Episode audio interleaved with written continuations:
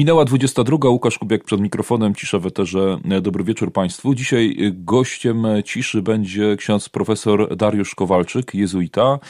Jest to teolog pracujący na Uniwersytecie Gregoriańskim w Rzymie.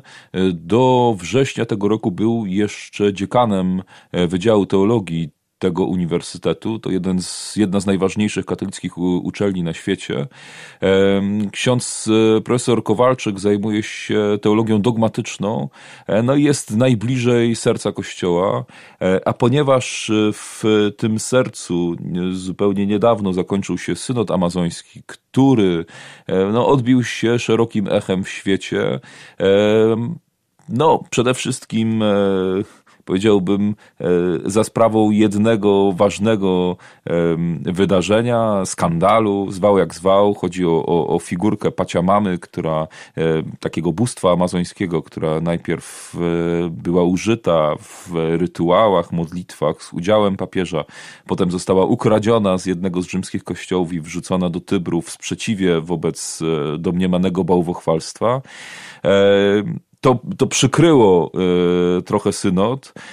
Natomiast na samym synodzie sporo też rewolucyjnych y, postulatów, bo e, te, te dwa najważniejsze to jest y, ewentualny diakonat kobiet, chociaż to zostało postawione tak bardzo na zasadzie prawdopodobieństwa i również postulat zniesienia celibatu, e, czy, czy inaczej święceń tak zwanych viri probati, czyli mężczyzn, którzy są e, wypróbowani, przede wszystkim diakonów stałych. Ale pomijając te y, bardzo medialne wydarzenia i postulaty, sam synod amazoński jest niewątpliwie kolejnym krokiem w takiej rewolucyjnej, ewolucyjnej reformie Kościoła, którą Ojciec Święty y, Franciszek przeprowadza.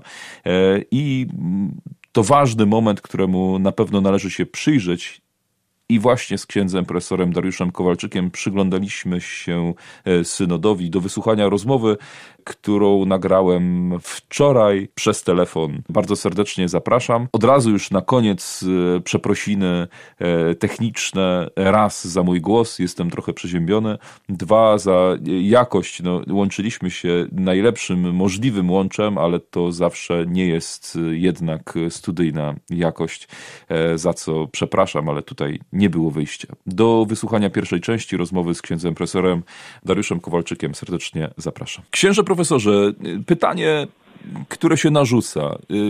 Po co synod? Czym jest synod? Jaki jest jego cel? Bo rozmawiamy o synodzie amazońskim, ale dla wielu naszych słuchaczy samo pojęcie synodu może być obce i jego prerogatywy, co synod może, czego nie może, po co jest zwoływany. Dobre pytanie. Mm, papież Franciszek y, chciałby, aby jeden z następnych synodów się odbył właśnie na temat y, synodalności. To można by powiedzieć, że będzie to synod na temat y, synodów, bo chociaż mm, synody zbierają się od wielu lat, były też w starożytności to do końca y, nie wiemy, y, na czym synodalność polega i jak to w praktyce powinno y, wyglądać. Jest oczywiste, że mm, Kościół katolicki, na którego czele stoi papież, Kościół katolicki, który jest administracyjnie podzielony na diecezję, jest takim ciałem, który, które musi mieć jakieś e, platformy e, spotkania na różnych poziomach krajowych. E, tutaj są konferencje episkopatu, regionalnych, kontynentalnych, czy też globalnych. Dzisiaj niektórzy mówią, że przydałby się nowy sobór powszechny, który by podjął pewne y, kwestie mm, dotyczące całego Kościoła powszechnego.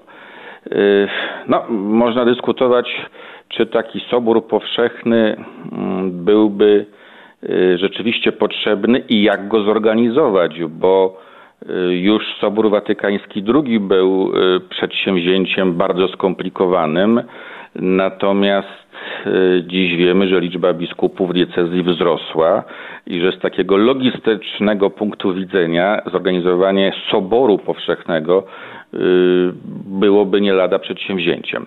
Stąd mówi się, że może zostawmy tę ideę soboru powszechnego na bliżej nieokreśloną przyszłość, natomiast skupmy się na podejmowaniu różnych problemów Y, lokalnych właśnie y, na synodach, czy też problemów nie tyle lokalnych, co dotyczących całego Kościoła, ale jednak jakoś tam y, szczegółowych, na przykład synod o, o młodzieży. Czyli synod, rozumiem, synod... dotyczy jakiegoś konkretnego problemu albo problemów jakiegoś konkretnego kościoła. Tak, synody zasadniczo dotyczą jakichś konkretnych problemów, Y, wcześniej sformułowanych, jakoś tam określonych, nazwanych, pokazanych, albo dotyczą jakiegoś y, regionu konkretnego. Y, I teraz tak, trzeba powiedzieć, że i to stoi w kodeksie prawa kanonicznego, zadaniem synodu biskupów mm, jest dyskusja na dany temat, rozpatrywanie przedstawionych mu spraw, wysuwanie wniosków, właśnie ten dokument końcowy, o którym się dyskutuje, to są takie wnioski synodu, ale nie jest zadaniem synodu rozstrzyganie kwestii i wydawanie jakichś zobowiązujących dekretów. A zatem cała ta praca synodu i dokument końcowy synodu to można powiedzieć jest głos doradczy dla papieża, a nie zbiór obowiązujących decyzji. Jakby na tym etapie nie mamy jeszcze do czynienia z obowiązującymi decyzjami.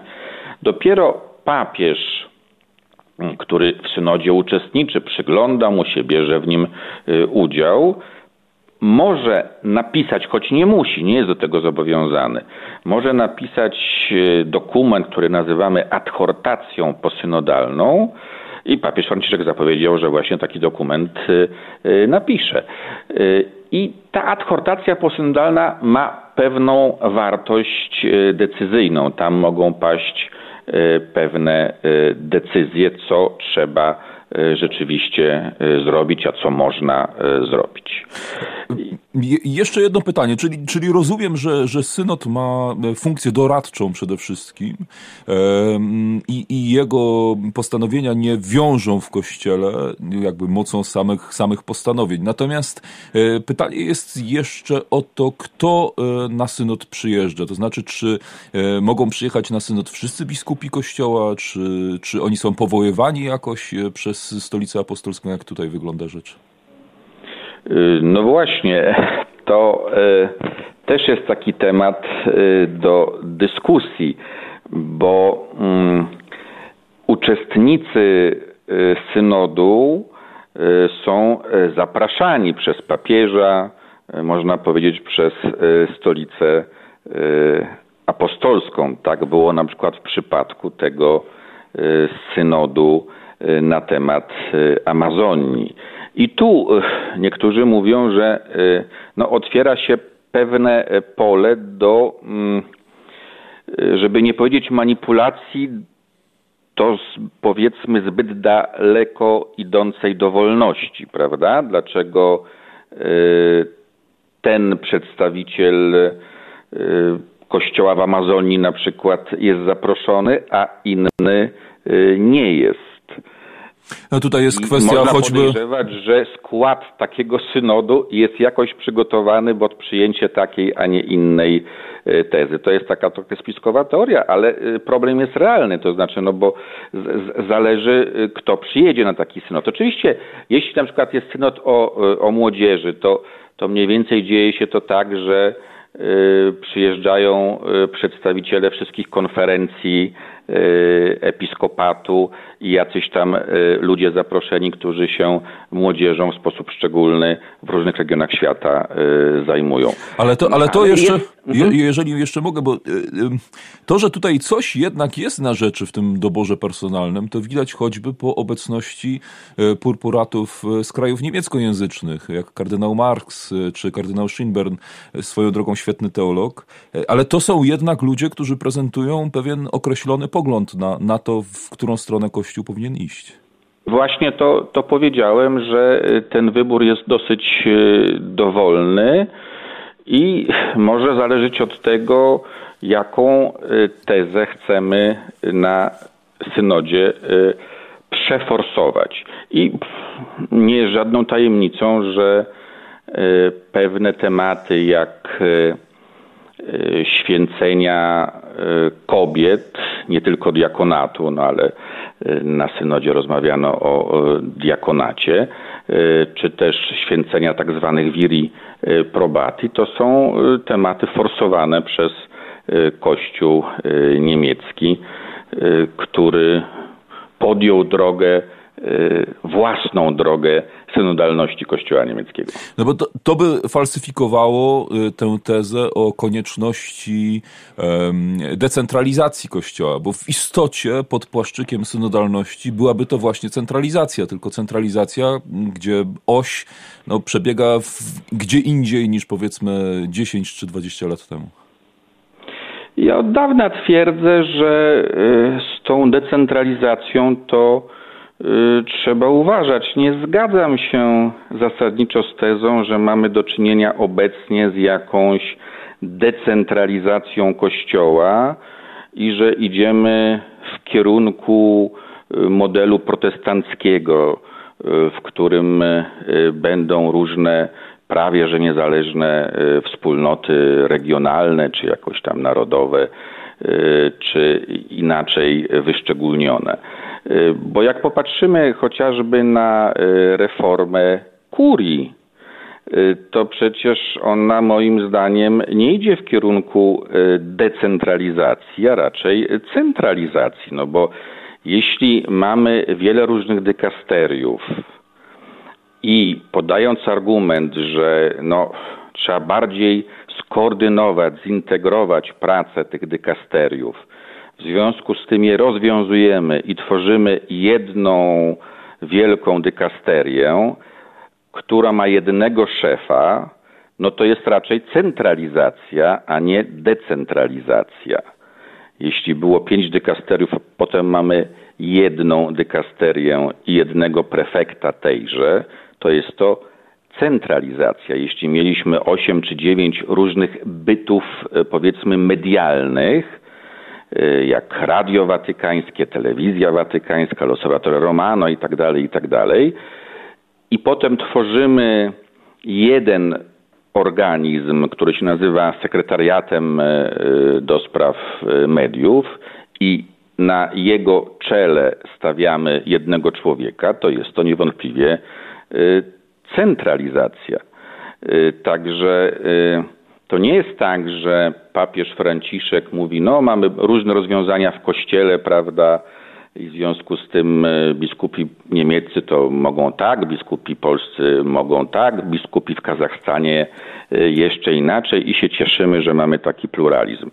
E, raczej mamy jedną mm, opcję w różnych sprawach i ją forsujemy. Na przykład w kwestii komunii dla osób e, rozwiedzionych, żyjących e, w nowych związkach, to nie wydaje mi się, że e, żeby z góry szła pochwała dla różnego rozumienia, różnej, różnych interpretacji tej idei otwarcia się na, na rozwiedzionych żyjących w nowych związkach poprzez dawanie im komunii sakramentalnej.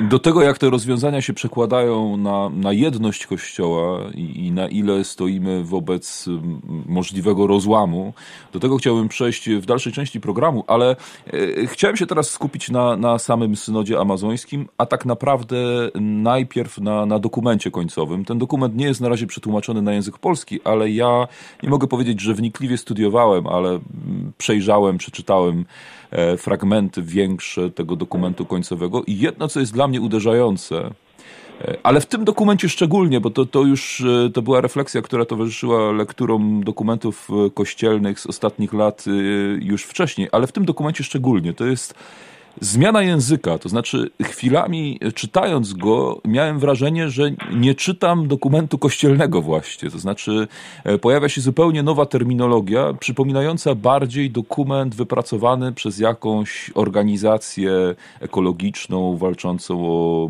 równy dostęp do dóbr, o, o jakąś e, organizację charytatywną, e, czy, czy ma ksiądz takie wrażenie, czy, czy ono jest tylko dla mnie e, właściwe? Bo e, jak jest z językiem teologii, językiem dokumentów? No, nigdzie nie stoi napisane, jakiego języka należy używać e, w dokumentach kościelnych i ten język także dawniej oczywiście był różny w zależności od tematu. Co innego jakieś dokumenty ściśle y, teologiczne, dogmatyczne, y, co innego y, dokumenty wyrażające mm, naukę społeczną Kościoła. Ale rzeczywiście mm, podzielam to wrażenie i myślę, że wielu ma takie wrażenie, iż mamy do czynienia w ostatnich latach z dość istotną zmianą języka to znaczy w tych dokumentach jest jakby wszystko i oczywiście też jest y, y, o Panu Jezusie, żeby go postawić w centrum. Można znaleźć takie y, zdania, ale no, diabeł tkwi w szczegółach, a w tym przypadku tkwi w proporcjach i w akcentach.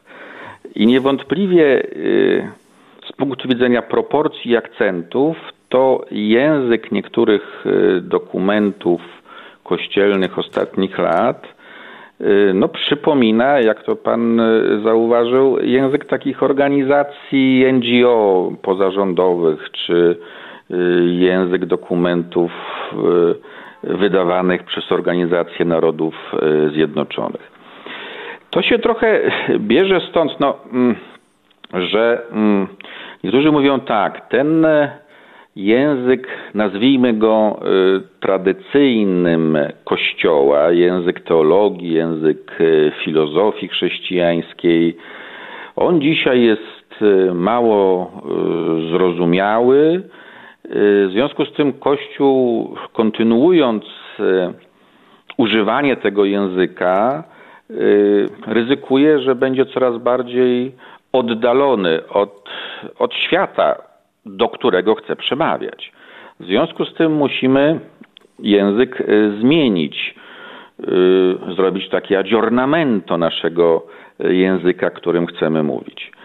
Y, no, w istocie nie jest to jakby myśl całkowicie błędna, no bo od dwóch tysięcy lat Kościół jakby zmienia swój język, bo gdyby nie zmieniał, to by nie wyszedł z kręgu kultury Y, hebrajskiej pierwszego wieku, prawda? Natomiast na przykład no, zmienił zasadniczo, bo wyraził wiarę w Jezusa Chrystusa w języku y, filozofii mm, greckiej i prawa y, rzymskiego. No, a apostołowie o czymś takim nie mieli pojęcia i Pan Jezus sam się w ten sposób nie wyrażał. Także ta zmiana języka jest jakby czymś oczywistym i czymś potrzebnym. No, tylko znowu powstaje pytanie, jak to konkretnie ma wyglądać. Czy my rzeczywiście mm, unowocześniamy nasz język, czynimy go bardziej komunikatywnym, czy też trochę bezwiednie, pełni kompleksów, e, przejmujemy język w gruncie rzeczy może nie antychrześcijański, ale często achrześcijański, zupełnie wyrastający z innych filozofii, z innych tradycji, z innego myślenia i operujemy pewnymi pojęciami, pewnymi y, wyrażeniami, ale rzeczywiście gubimy to, co jest y, chrześcijańskie, biblijne, y, katolickie. A zatem no, tu trzeba dużej mądrości w tym przechodzeniu od jednego języka kościelnego do drugiego języka kościelnego i te przejścia mogą być mało udane. Pytanie, czy to przejście, z którym mamy do czynienia obecnie jest jest udane. Wielu ma wątpliwości. No właśnie, e, trochę do tego e, też zmierzało moje pytanie, bo oczywiście to nie jest kwestia tylko lingwistyczna. E, jeżeli się przyjrzeć choćby tytułowi tego dokumentu końcowego, to jest Amazonia, ja to tłumaczę mm, z angielskiego, nowe drogi dla Kościoła i holistycznej ekologii. Zaraz... Mówi się o integralnej bardziej chyba. W tytule mam Holistic Ecology, ale A potem rzeczywiście pojawia się też y, y, ekologia integralna, ale mamy tytuły takie jak, pośród tytułu jak na przykład Płacz Ziemi i Płacz Ubogich. Pojawia się w ogóle y, taki termin jak Matka Ziemia. E, to wszystko są, znaczy można to e, traktować na dwa sposoby. Jest to język poetycki, taki język e, trochę metafor, ale on z kolei e, daje no, dosyć dużą dowolność do interpretacji. To jest dosyć płynny język. On nie ma tego przymiotu jednoznaczności. Wiele można tutaj wyczytać. Y, oczywiście, no ale w wielu dokumentach używany jest taki język trochę y, poetycki, który y, da się różnie interpretować i w tym też jest pewna mądrość Kościoła, że wypowiadając się na różne tematy, nie definiuje od razu wszystkiego w sposób prawie że nieomylny, bo wtedy sam przygotowywałby dla siebie mm, różnego rodzaju pułapki, ale mm, mówię, sprawa nie jest y, nowa. Przecież y, y, papież pochodzi z Ameryki Łacińskiej, mm, no, z Argentyny i tam mamy od lat teologię wyzwolenia, czy też teologię ludu, teologia del popolo, która jest bliska papieżowi Franciszkowi. I problem z językiem używanym przez tę teologię, proponowanym przez hierarchów e, jakoś zgadzających się e, z taką teologią, jest nie nowy. Przypominamy sobie e, dokumenty wydane za czasów Jana Pawła II na początku pontyfikatu przez Józefa Ratzingera, Kongregacji do Spraw Nauki Wiary, na temat marksistowskich elementów e, w teologii wyzwolenia. E, bo było mnóstwo książek, również konkretnego przepowiadania takiego w kościele, e, które mieszało język biblijny tradycji chrześcijańskiej, katolickiej z językiem marksistowsko-leninowskim. Bo, bo tutaj takie... I tak dalej. I wtedy, wtedy no, z Rzymu właśnie y, przyszedł monit w postaci y, tego dokumentu, o którym mówię. Y, I to zostało jakoś ograniczone, ale do tej pory niektórzy y, mają za złe właśnie Janowi Pawłowi II i Ratzingerowi, że poniekąd zniszczyli y, rozwijającą się teologię wyzwolenia, czy też jej nie zrozumieli, zaatakowali Y, w sposób taki y, niesprawiedliwy. Czyli ta walka o język, ona się, ona się toczy od dawna. Przecież można sobie przypomnieć różne y, synody dogmatyczne starożytności średniowiecza. Czyli jakby to, że to napięcie istnieje, to jest normalne. Musimy tylko oceniać, czy w konkretnych sprawach ten język uważamy za dobry, czy też y, niezbyt y, adekwatny. To, o czym mówił ksiądz profesor, nawiązując do teologii wyzwolenia, do jakiejś inspiracji też y, te, tym nurtem teologicznym, to widać w dokumencie choćby w tym, że akcent jest wyraźnie położony na problematykę taką społeczno-ekologiczną, że tam tak naprawdę niewiele jest teologii e, takiej ścisłej, sensu stricto, e, opowiadającej o objawieniu, o e, o jakichś aspektach e, czytania tego objawienia. E, no właśnie, tu znowu jest taki, taki problem e, szerszy, jak przepowiadać. I teraz z jednej strony można krytykować przepowiadanie Kościoła, z jakim mieliśmy do czynienia w różnych wiekach czy w różnych regionach, które koncentrowało się bardzo na, na sprawach zbawienia wiecznego, możliwości potępienia grzechu i odkupienia. Mm, natomiast jakby lekceważyło, czy też niedostatecznie podejmowało taki społeczny wymiar Ewangelii. No bo jak weźmiemy nauczanie Jezusa, to on oczywiście mm, przyszedł po to, żeby y, nas y, zbawić. Y, wskazuje perspektywa, perspektywę życia wiecznego w domu Ojca. No ale też jest mnóstwo tych Ewangelii, gdzie się utożsamia z ubogimi, gdzie mówi o tym, że sąd będzie polegał na tym, czy podałeś szklankę potrzebującemu, chleb głodującemu, czy odwiedziłeś więźnia i tak dalej. Czyli ten aspekt społeczny też jest bardzo, bardzo mocny.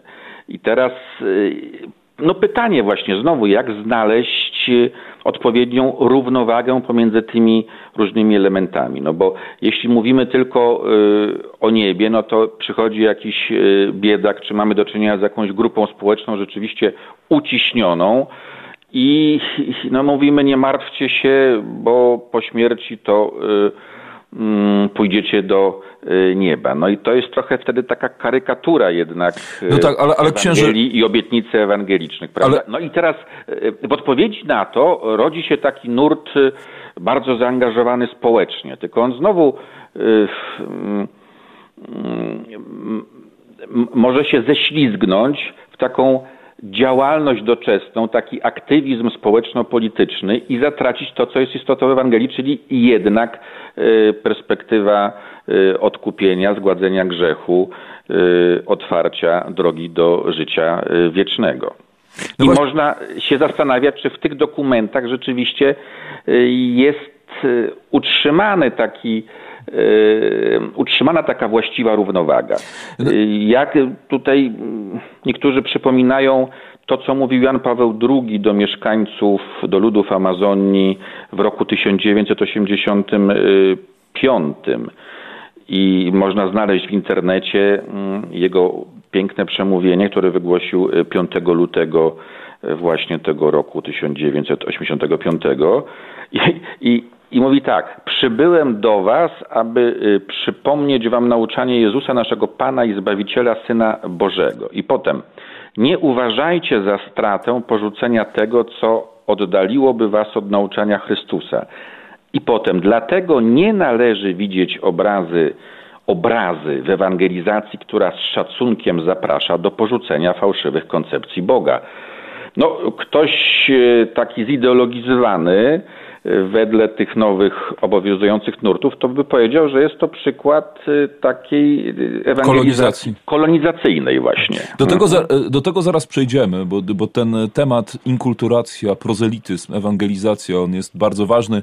Jednym z najistotniejszych e, takich medialnych wydarzeń towarzyszących e, synodowi było wrzucenie do Tybru e, tych figurek paciamamy, a, a przedtem ich obecność w czasie takich paraliturgicznych obrzędów. Ale no, jeszcze kończąc ten wątek y, tego tych akcentów, które są i jak one są rozłożone w dokumencie, no bo pytanie pojawia się następujące, właściwie z czym Kościół wychodzi, bo, bo y, największym problemem kościołów Amazonii obecnie jest odpływ wiernych. No, jeszcze na początku tego wieku niemalże 100% y, należących do kościoła chrześcijan to byli katolicy, obecnie to jest zjazd prawie o połowę.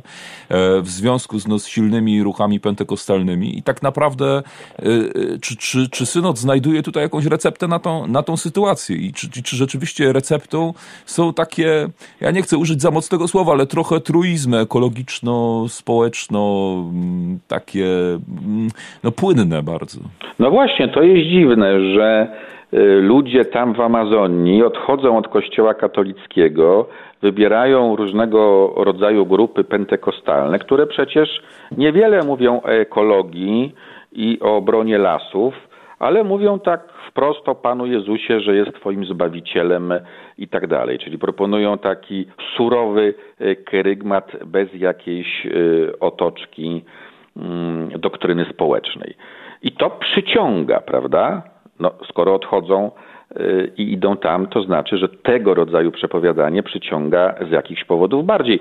Oczywiście, no być może też jest tak, że to, to wiemy, że mm, protestanci różnego rodzaju tego grupy takie, takie protestanckie czy pentekostalne mm, potrafią też no, przyciągać wiernych różnego rodzaju rozdawnictwem darów i dóbr. Odpowiadając na pytanie, czy to, co proponuje synod, y, jest jakimś właściwym rozwiązaniem, przyznam, że ja osobiście też mam wątpliwości co do y, akcentów. To znaczy, brakuje mi y, w tym dokumencie takich wyraźnych rysów ewangelizacyjnych, że chcemy głosić Pana Jezusa jako jedynego Zbawiciela ludom Amazonii, że Jezus jest taką wartością, dla której jeśli trzeba, jeśli jest to konieczne, trzeba też porzucić y, swoje y, przyzwyczajenia i zwyczaje. Tutaj pojawia się to napięcie między ewangelizacją a prozelityzmem. Ten prozelityzm często pojawia się w ustach Ojca Świętego jako no, praktyka, która jest niedopuszczalna. Właściwie gdzie znaleźć e, kryterium rozróżnienia między tym, e, tymi dwoma aktywnościami? Znaczy, czym różni się prozelityzm od ewangelizacji? Czy ewangelizacja jest w ogóle jeszcze możliwa? Y, przyznam, że ja nie potrafię wyjaśnić, co papież Franciszek ma na myśli, kiedy używa słowa prozelityzm. Moim zdaniem to zupełnie nie jest dzisiaj problem. Być może da się zrozumieć y, tego rodzaju wypowiedzi papieża Franciszka, y, odwołując się do doświadczeń, które mógł mieć właśnie w Ameryce Łacińskiej, gdzie niektóre grupy protestanckie działają w sposób taki bardzo ostry, chociaż to też chyba troszeczkę już zanika. W sposób ostry, czyli bardzo krytyczny wobec wszystkich innych, y, mówiąc, że no, jedyny prawdziwy Pan Jezus to jest ten, którego my tutaj y, głosimy i Wam y, proponujemy. Czyli no, można sobie taki wyobrazić styl ewangelizowania, bardzo wrogi wobec innych wspólnot i tak przyciągający na siłę wiernych do Kościoła. I to byłby ten niewłaściwy, zgubny y, prozelityzm, ale powiadam na przykład, no, no, no w Europie, y, w Azji ja nie widzę takiego prozelityzmu. Y, w Amazonii też nie słyszałem, żeby ktokolwiek w ten sposób głosił Pana Jezusa ze strony katolickiej. Także raczej brakuje takiej gorliwości ewangelizowania, gorliwości przepowiadania wprost Pana Jezusa Y, jako y, jedynego Zbawiciela. Oczywiście to, to, to już też od początku jest y, chrześcijaństwa, że głosząc Pana Jezusa, no, musimy najpierw trochę zrozumieć, do kogo idziemy, do kogo kierujemy nasze przepowiadanie i wziąć pod uwagę kulturę, przyzwyczajenia, system wartości, myślenie tego, do kogo chcemy Y, przepowiadać y, Ewangelię. I y, święty Paweł idzie na Areopag i zaczyna jakby od tamtej strony, prawda? Takich podbiera, mm, że no są bardzo pobożni, bo tutaj wielu bogów czczą, a ja wam głoszę Jezusa Chrystusa. No ale kiedy doszedł do zmartwychwstania ciał, idei dosyć obcej filozofii greckiej, to go wyśmiano. Tak samo no, w XVI-XVII wieku y, wielkie misje prowadzone na przykład przez jezuitów, y, święty Franciszek Ksawery, czy potem jeszcze bardziej Ricci, człowiek genialny, który no, prawie że nawrócił Chiny, ale jakoś się nie udało. I też no, stał się mandarynem, przyjął pewne, pe, pewne zwyczaje, prawda? Najpierw ich zachwycił swoją wiedzą astronomiczną i inną wiedzą w naukach ścisłych i dopiero potem e, próbował mówić im o e, Panu e, Jezusie.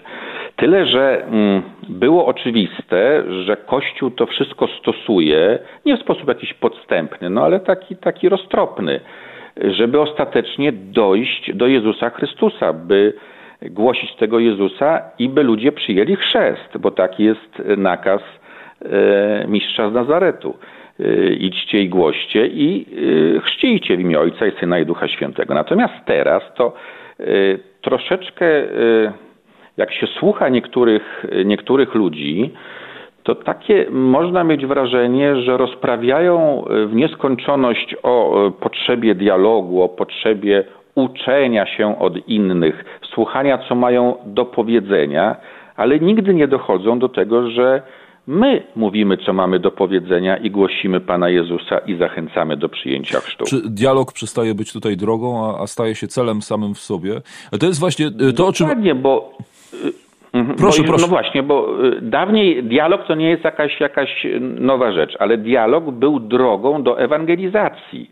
A teraz dialog staje się właściwie ważniejszy od ewangelizacji i taką wartością samą w sobie, a ewangelizacja no, niekiedy jest nazywana właśnie szkodliwym prozelityzmem, czy też y, narzucaniem innym naszych wartości zachodnich i y, psuciem, burzeniem ich wielowiekowych tradycji. I to tyle pierwszej części rozmowy z księdzem Dariuszem Kowalczykiem, profesorem Uniwersytetu Gregoriańskiego w Rzymie. Do wysłuchania drugiej zapraszam po 23 po serwisie. Minęła 23, Łukasz Kubiak, Cisza w Eterze. Rozmawiamy o synodzie amazońskim e, z księdzem profesorem Dariuszem Kowalczykiem z Uniwersytetu Gregoriańskiego w Rzymie.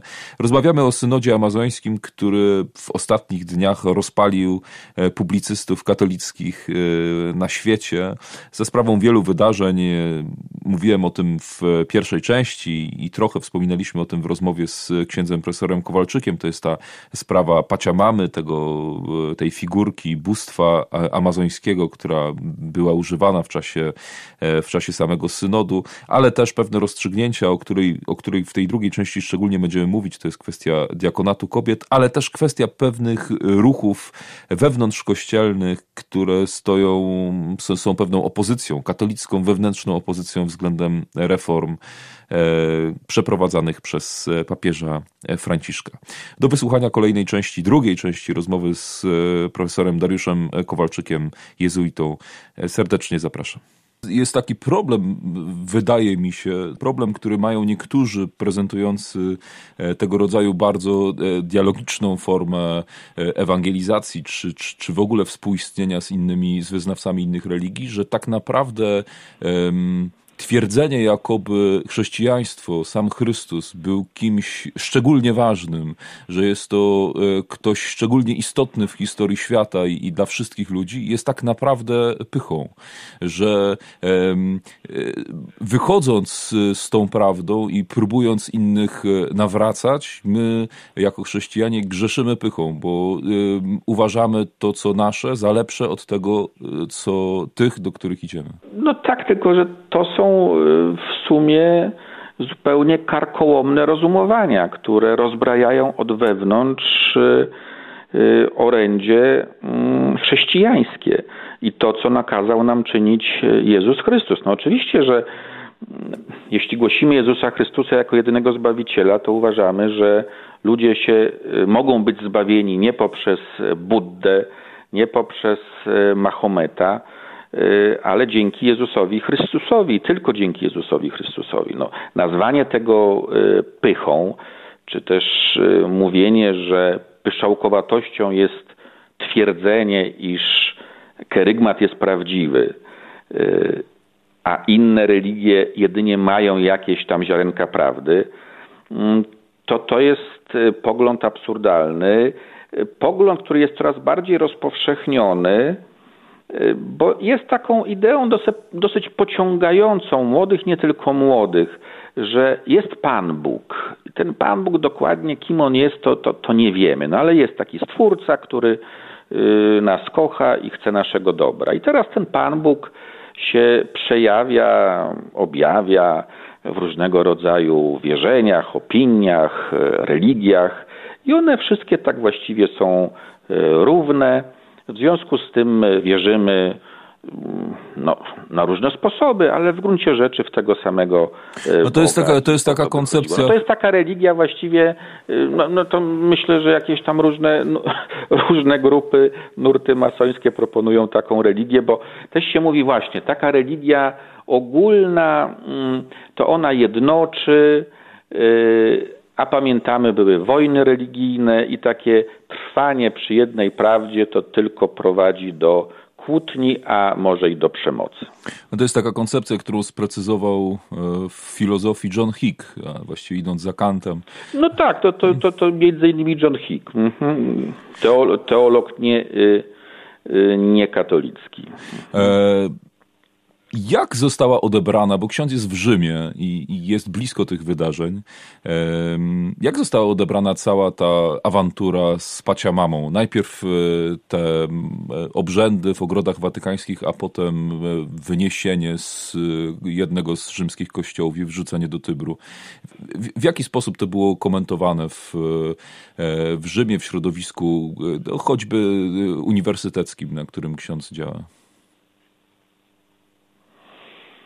No, mówiąc prawdę, to właściwie nie było to komentowane. Y, takie mam wrażenie, że my tutaj unikaliśmy i unikamy tego tematu, bo on jest y, troszeczkę, tak mówiąc po włosku, imbarazzante, y, taki żenujący i właściwie nie bardzo wiadomo, co na ten temat powiedzieć żeby czegoś za mocno nie powiedzieć, żeby się e, nie pokłócić. E, myślę, że ten młody człowiek z Austrii, który tego dokonał, bo on się ujawnił niedawno, tak. E, to nie zdawał sobie sprawy, że dokonuje takiego aktu, który no, będzie miał bardzo duże znaczenie i, i w pewnym sensie przyćmi same konkluzje końcowe, y, konkluzje synodu. Y, bo rzeczywiście y, o tym się mówi, ale to się trochę tak o tym mówi w takich mniejszych środowiskach, gdzie ludzie są bardziej pewni tego, do kogo mówią. jest rozmówca, do kogo mówią. Mhm. No dobrze, ale. No, przyznam, że, że no to też troszeczkę wskazuje na to, że atmosfera jest taka, która no, nie zachęca do otwartych dyskusji czy otwartych cywilizowanych sporów. To znaczy, to znaczy temat, temat jest. Łatwo wszystko jest sprowadzane wtedy do, y, y, do podziału. Jesteś za papieżem Franciszkiem albo przeciwko papieżowi Franciszkowi. Jak ktoś nie chce wejść w ten podział, to milczy. No to właściwie milczy albo, albo sobie rozmawia w mniejszych gronach. Ale czy E, może zapytam tak, a, a czy ze strony mm, przedstawicieli synodu e, była próba jakiegoś tłumaczenia właściwie e, celowości użycia ty, tych figurek? Bo wytłumaczmy słuchaczom, tych, tym, którzy jeszcze nie wiedzą, Pacia Mama to jest bogini płodności amazońska i jej figurka pojawiła się najpierw na, na, na takich obrzędach, rytuałach paraszamańskich, E, w których brał udział papież Franciszek, a potem te figurki były przeniesione do jednego z rzymskich kościołów, e, zresztą umieszczone w kaplicy, no, traktowane trochę tak jak, e, jak obrazy czy, czy, czy figury świętych w kościele katolickim.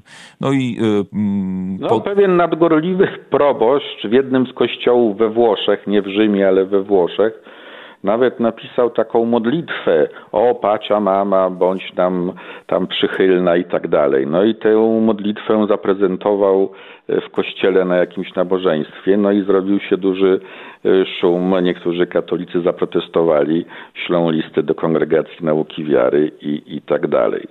No właśnie, ale czy e, ktoś to tłumaczył? Po co w ogóle ten element był wprowadzony i, i, i w, jak, jak to było interpretowane oficjalnie? No to jest właśnie problem. To znaczy, yy, nikt tego nie tłumaczył. Kościół yy, od 2000 lat yy, wchodził w, trady w tradycję kultury y, wierzenia y, pogańskie i je chrzcił. Ale to było jasne, to znaczy, jeśli był kult słońca, to Kościół mówił, no tak, kult słońca, bardzo dobrze, ale tym prawdziwym, jedynym słońcem jest Jezus Chrystus. A zatem, jeśli mówimy i zwracamy się do słońca, to zwracamy się do Jezusa Chrystusa. No i formułował modlitwy Jezu, yy, Chryste, yy, Słońce ludzkości, czy coś takiego, prawda?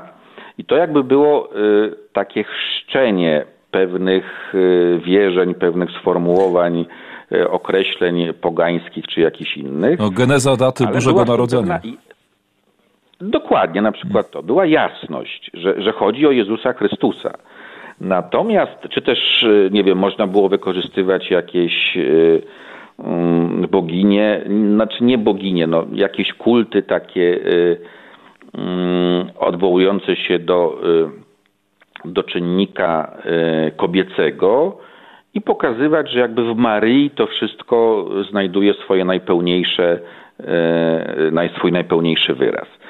Natomiast tutaj zrobiono coś, e, nie wytłumaczono właściwie, co to miało znaczyć, jaki był sens tego rodzaju celebracji.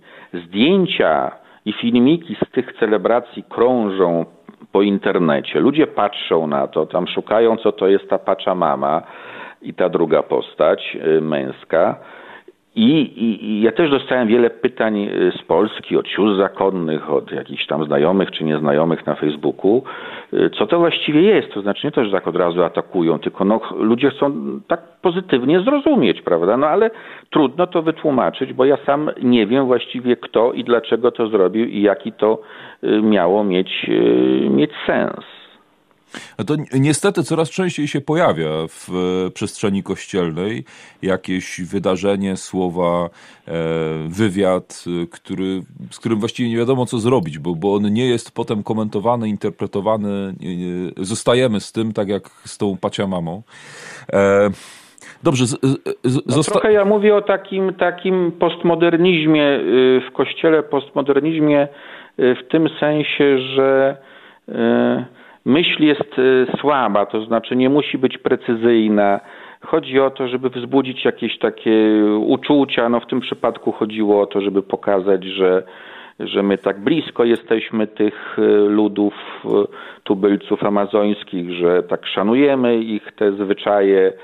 Ale żeby tak głębiej w to wchodzić, to, to po co? Nie o to chodzi, żeby znaczy, ale, ale, tak rozumowo. Ale to wie ksiądz, to... Czyli to, to też troszeczkę widać taką jakby y, niewiarę w jasność słowa, w precyzję słowa, y, w pewne systemy, które Kościół wypracował. Y, tutaj jeden z uczestników synodu swojej takiej wypowiedzi przedsynodalnej powiedział, że Dawno minęły czasy, gdy powielaliśmy wzorce myślenia wyrażające się w ciężkiej doktrynie, w logice zewnętrznej, która patrzy na świat wychodząc z naszej wizji rzeczywistości z zachodnich obrzędów bez uwzględnienia symboli i zwyczajów rdzennej ludności. To powiedział Alfredo Ferro, y, kapłan y, z Kolumbii. Teraz ja się pytam, co to właściwie znaczy ta ciężka doktryna i co to właściwie znaczy ta logika zewnętrzna, wobec y, której Alfredo Ferro y, tak się lekceważąco mm, odnosi. Mam wrażenie, że no właśnie to, to jest takie troszeczkę mm, mówienie zideologizowane, trochę mało przemyślane, takie pod publiczkę i kryje się za nim w gruncie rzeczy, za tym lekceważącym mówieniu o, o ciężkiej doktrynie czy logice zewnętrznej, y, no, lekceważący stosunek, dość frywolny stosunek do tradycji katolickiej y, w ogóle. Znaczy to, to jest też niebezpieczeństwo. Oczywiście mieliśmy, mieliśmy, znaczy ja rozumiem, że y, to widać na przykład u papieża Franciszka, który tak y, czasem sobie pozwolił na, na, na skrytykowanie takiej suchej teologii sztywnej. No bo teologia, jaką robił papież Franciszek w Argentynie, to był taki schyłek neoscholastyki i to rzeczywiście no, dosyć strasznie wyglądało, bo to było for, formuła po łacinie, potem inna formuła po łacinie, sztywne, ciężkie, bez żadnego e, związku mm, z życiem e, ludzi. I, i, I troszeczkę mam wrażenie, że po tego rodzaju szkołach rzeczywiście do odrzucenia. E, no niektórzy poszli w drugą skrajność, czyli no żadnej doktryny takiej jasno wyrażonej, żadnych jasnych sformułowań, raczej taki dyskurs ogólny, dosyć sentymentalny i tyle. No tu jest to niebezpieczeństwo, że y, wyjście poza y, tę zewnętrzną logikę, e, jak o tym mówił ten kolumbijski ksiądz, e, no to pachnie mi wyjściem poza zasadę niesprzeczności tożsamości wyłączonego środka, dokładnie, czyli wejściem w bełkot. Dokładnie. Można powiedzieć tak, można powiedzieć tak, no my to nazywamy bełkotem, prawda? Ale ktoś inny powie, że jest to właśnie taki dyskurs otwarty. Kolejna rzecz, bo, bo niewiele zostało nam czasu, która jest bardzo istotna, to jest e, kwestia kapłaństwa. E, jeden aspekt to jest celibat, ale jego chciałbym zostawić na chwilę z boku, bo on jest może mniej, jeżeli chodzi o samą doktrynę katolicką, istotny. E, bardziej chodzi mi o ewentualny diakonat kobiet. Ja wiem, że ksiądz na Wydziale Teologii Gregoriany wykłada też sakramentologię. Jak to jest? Bo w w, teologii Kościoła, o ile ja wiem, mamy sakrament święceń, który ma trzy stopnie. E, diakonat, presbiterat i episkopat. I teraz, e, e, czy, mhm. czy rzeczywiście jeżeli byśmy, idąc za Janem Pawłem II, przypisali presbiterat i episkopat do, znaczy kandydat do tych święceń musi być mężczyzną, tutaj jest całe uzasadnienie teologiczne, czy diakonat można z tego wyłączyć? Czy mamy w ogóle teologię sprawa Jest, y, sprawa jest dosyć y, niejasna. Pracowała komisja y, powołana przez papieża Franciszka właśnie, by wyjaśnić, pogłębić sprawę diakonatu w Kościele.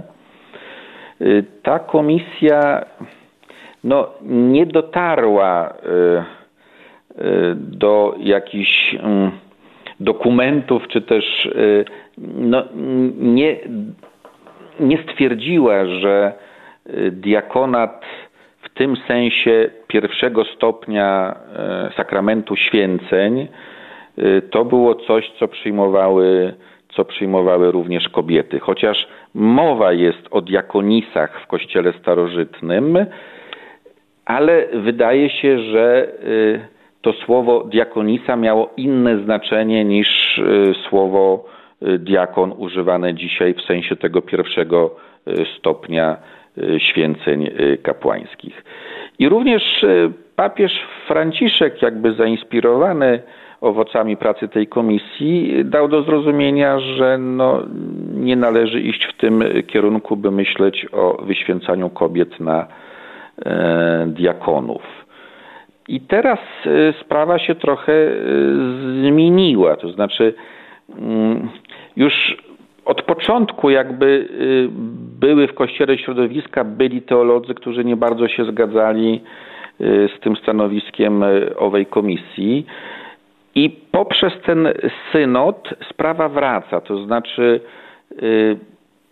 w dokumencie końcowym nie czytamy, że trzeba wprowadzić święcenie kobiet diakonów, ale że warto jeszcze do tematu powrócić, pogłębić, zastanowić się i żeby ta y, komisja jakby powróciła do pracy, wysłuchała tu pewnych doświadczeń y, członków y, synodu na temat Amazonii. I prawdopodobnie powróci się do tematu.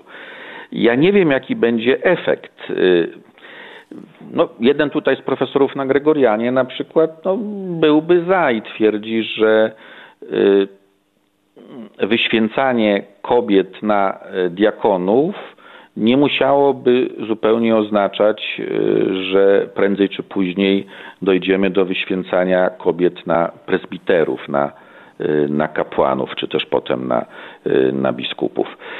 Także z tak historyczno-teologicznego punktu widzenia sprawa jest niejasna.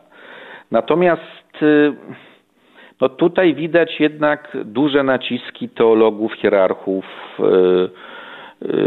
kościołów języka niemieckiego, szczególnie Niemiec, bo nie sądzę, żeby to było jakieś pragnienie kobiet w Amazonii bycie y, diakonami. Zresztą ta rola kobiet, no to my ją znamy, jest, jest naprawdę fundamentalna i bardzo ważna. I chociażby można byłoby przywołać te wspólnoty katolickie gdzieś w dalekiej Syberii, gdzie one przeżyły a, a, a, życie katolickie, chrzty, jakieś nabożeństwa, modlitwy było organizowane przez kobiety tak zwane, tak zwane babuszki. I naprawdę diakonat był im do niczego potrzebny, y, żeby to, co robiły, robić.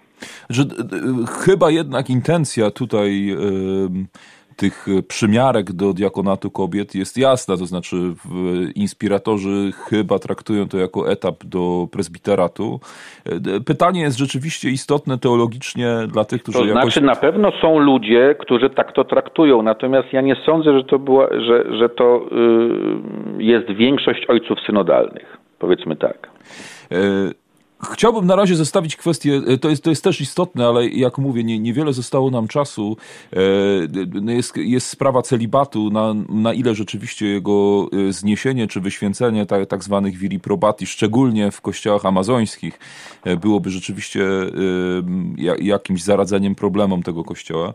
Ale ja chcę zapytać o coś innego księdza, bo w Polsce, na pewno w Polsce coraz mocniej rysuje się taka opozycja wewnątrzkatolicka względem tego, co się w Kościele Powszechnym dzieje. E, to są głównie publicyści świeccy, tacy jak e, Paweł Lisicki chociażby, e, jak mhm. Paweł Milcarek, jak Grzegorz Górny, we Włoszech profesor De Matei, ale no, coraz głośniej mówią o tym, co się w Kościele dzieje, choćby mm, kardynał Miller, który jeszcze niedawno był przecież y, szefem Kongregacji Nauki Wiary. E, no mamy przykład biskupa z dalekich stron, ale, ale głośno mówiącego Atanazjusa Schneidera. Jak ksiądz interpretuje tę, tę sytuację w Kościele? Czy, czy, my rzeczywiście jesteśmy w sytuacji jakiejś bardzo niebezpiecznej na, na zakręcie? Po pierwsze wierzę, że y, jednak Duch Święty prowadzi Kościół i to mówię, no nie tak, że, że, że to tak się mówi, prawda, ale to jest dla mnie osobiście bardzo ważne. Bardzo ważne, że to mi pomaga mm, być krytycznym wobec y, różnych wydarzeń, różnych wypowiedzi, różnych idei, ale zarazem nie, nie zagubić takiej y, katolickiej, mm, takiego katolickiego pokoju wewnętrznego, prawda, że, że jestem we wspólnocie, gdzie jest obecny Pan Bóg i On ją, tę wspólnotę ostatecznie y, prowadzi. Y, jest niewątpliwie wiele rzeczy, które się dzieją w Kościele dzisiaj, które mogą niepokoić. Myślę, że trzeba być tutaj odważnym, trzeba dyskutować. Natomiast ubolewam, że są środowiska w Polsce i nie tylko, że są niektórzy publicyści, którzy moim zdaniem przesadzają, to znaczy używają retoryki za mocnej jak na obecny y, czas. Y, rozrywają y, szaty, mówią o upadku kościoła, o herezjach, o schizmie itd., tak itd. Tak Mam wrażenie, że jeśli ktoś się tak wypowiada, to jakby ułatwia zadanie tym, których można byłoby nazwać, y, nie wiem, katolewicą czy, czy, czy coś takiego, prawda? Takim rewolucjonistą y, wewnątrz kościoła lewicowym, nazwijmy. Bo co, bo sam się zaczyna Ponieważ, wyłączać?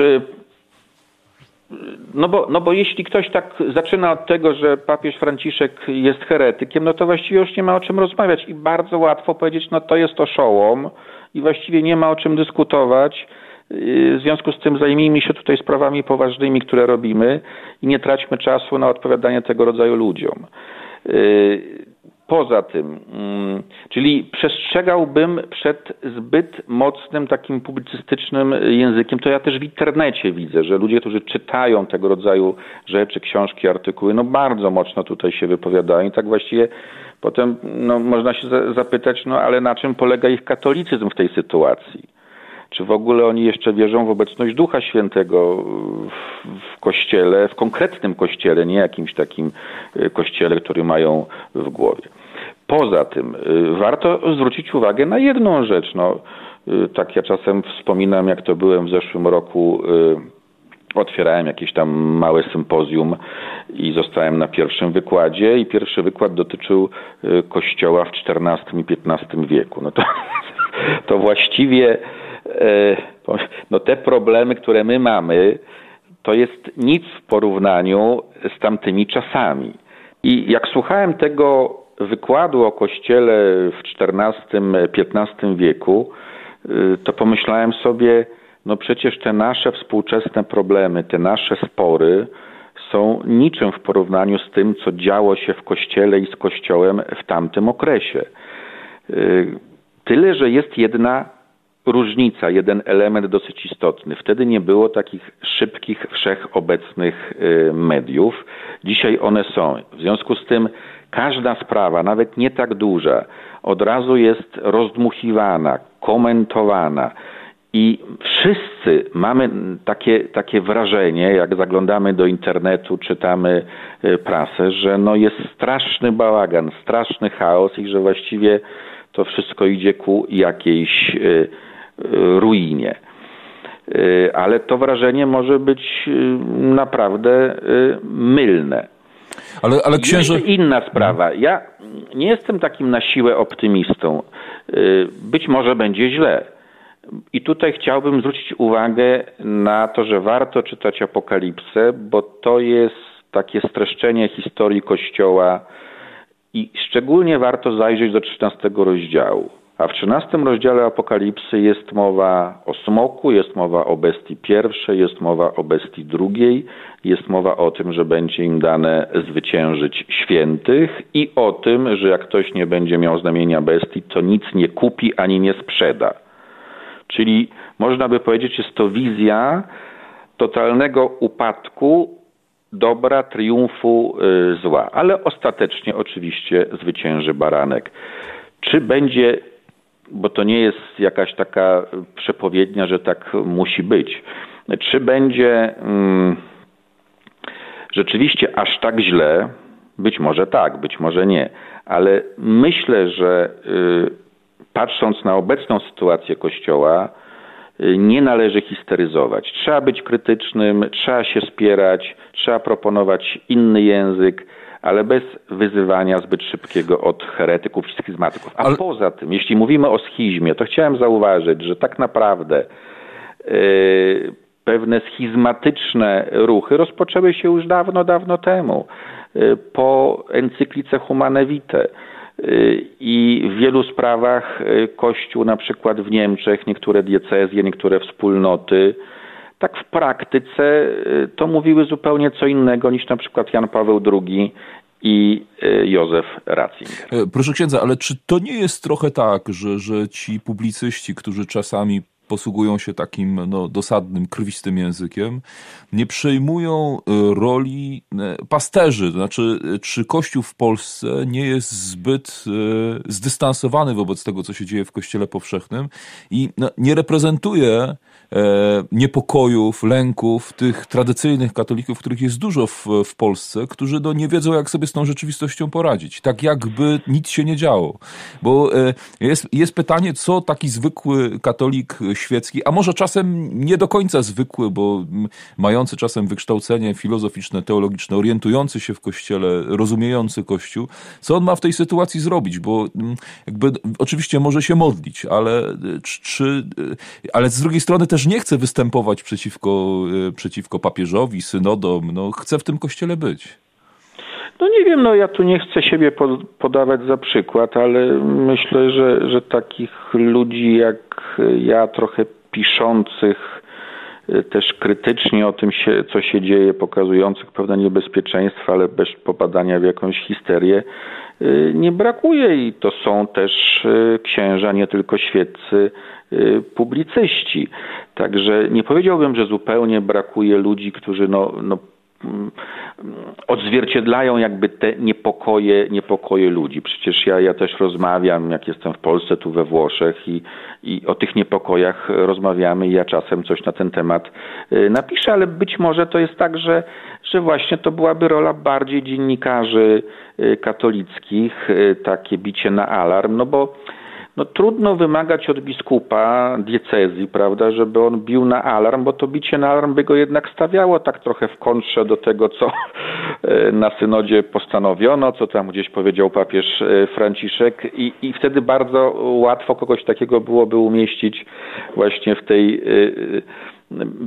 błędnej alternatywie za Franciszkiem przeciwko Franciszkowi. Stąd y, no, tu właśnie takie, takie żeby, żeby to jest taki y, właściwie takie oczekiwanie bardzo klerykalne, że, że księża, szczególnie biskupi, będą wyrazicielem wszystkiego.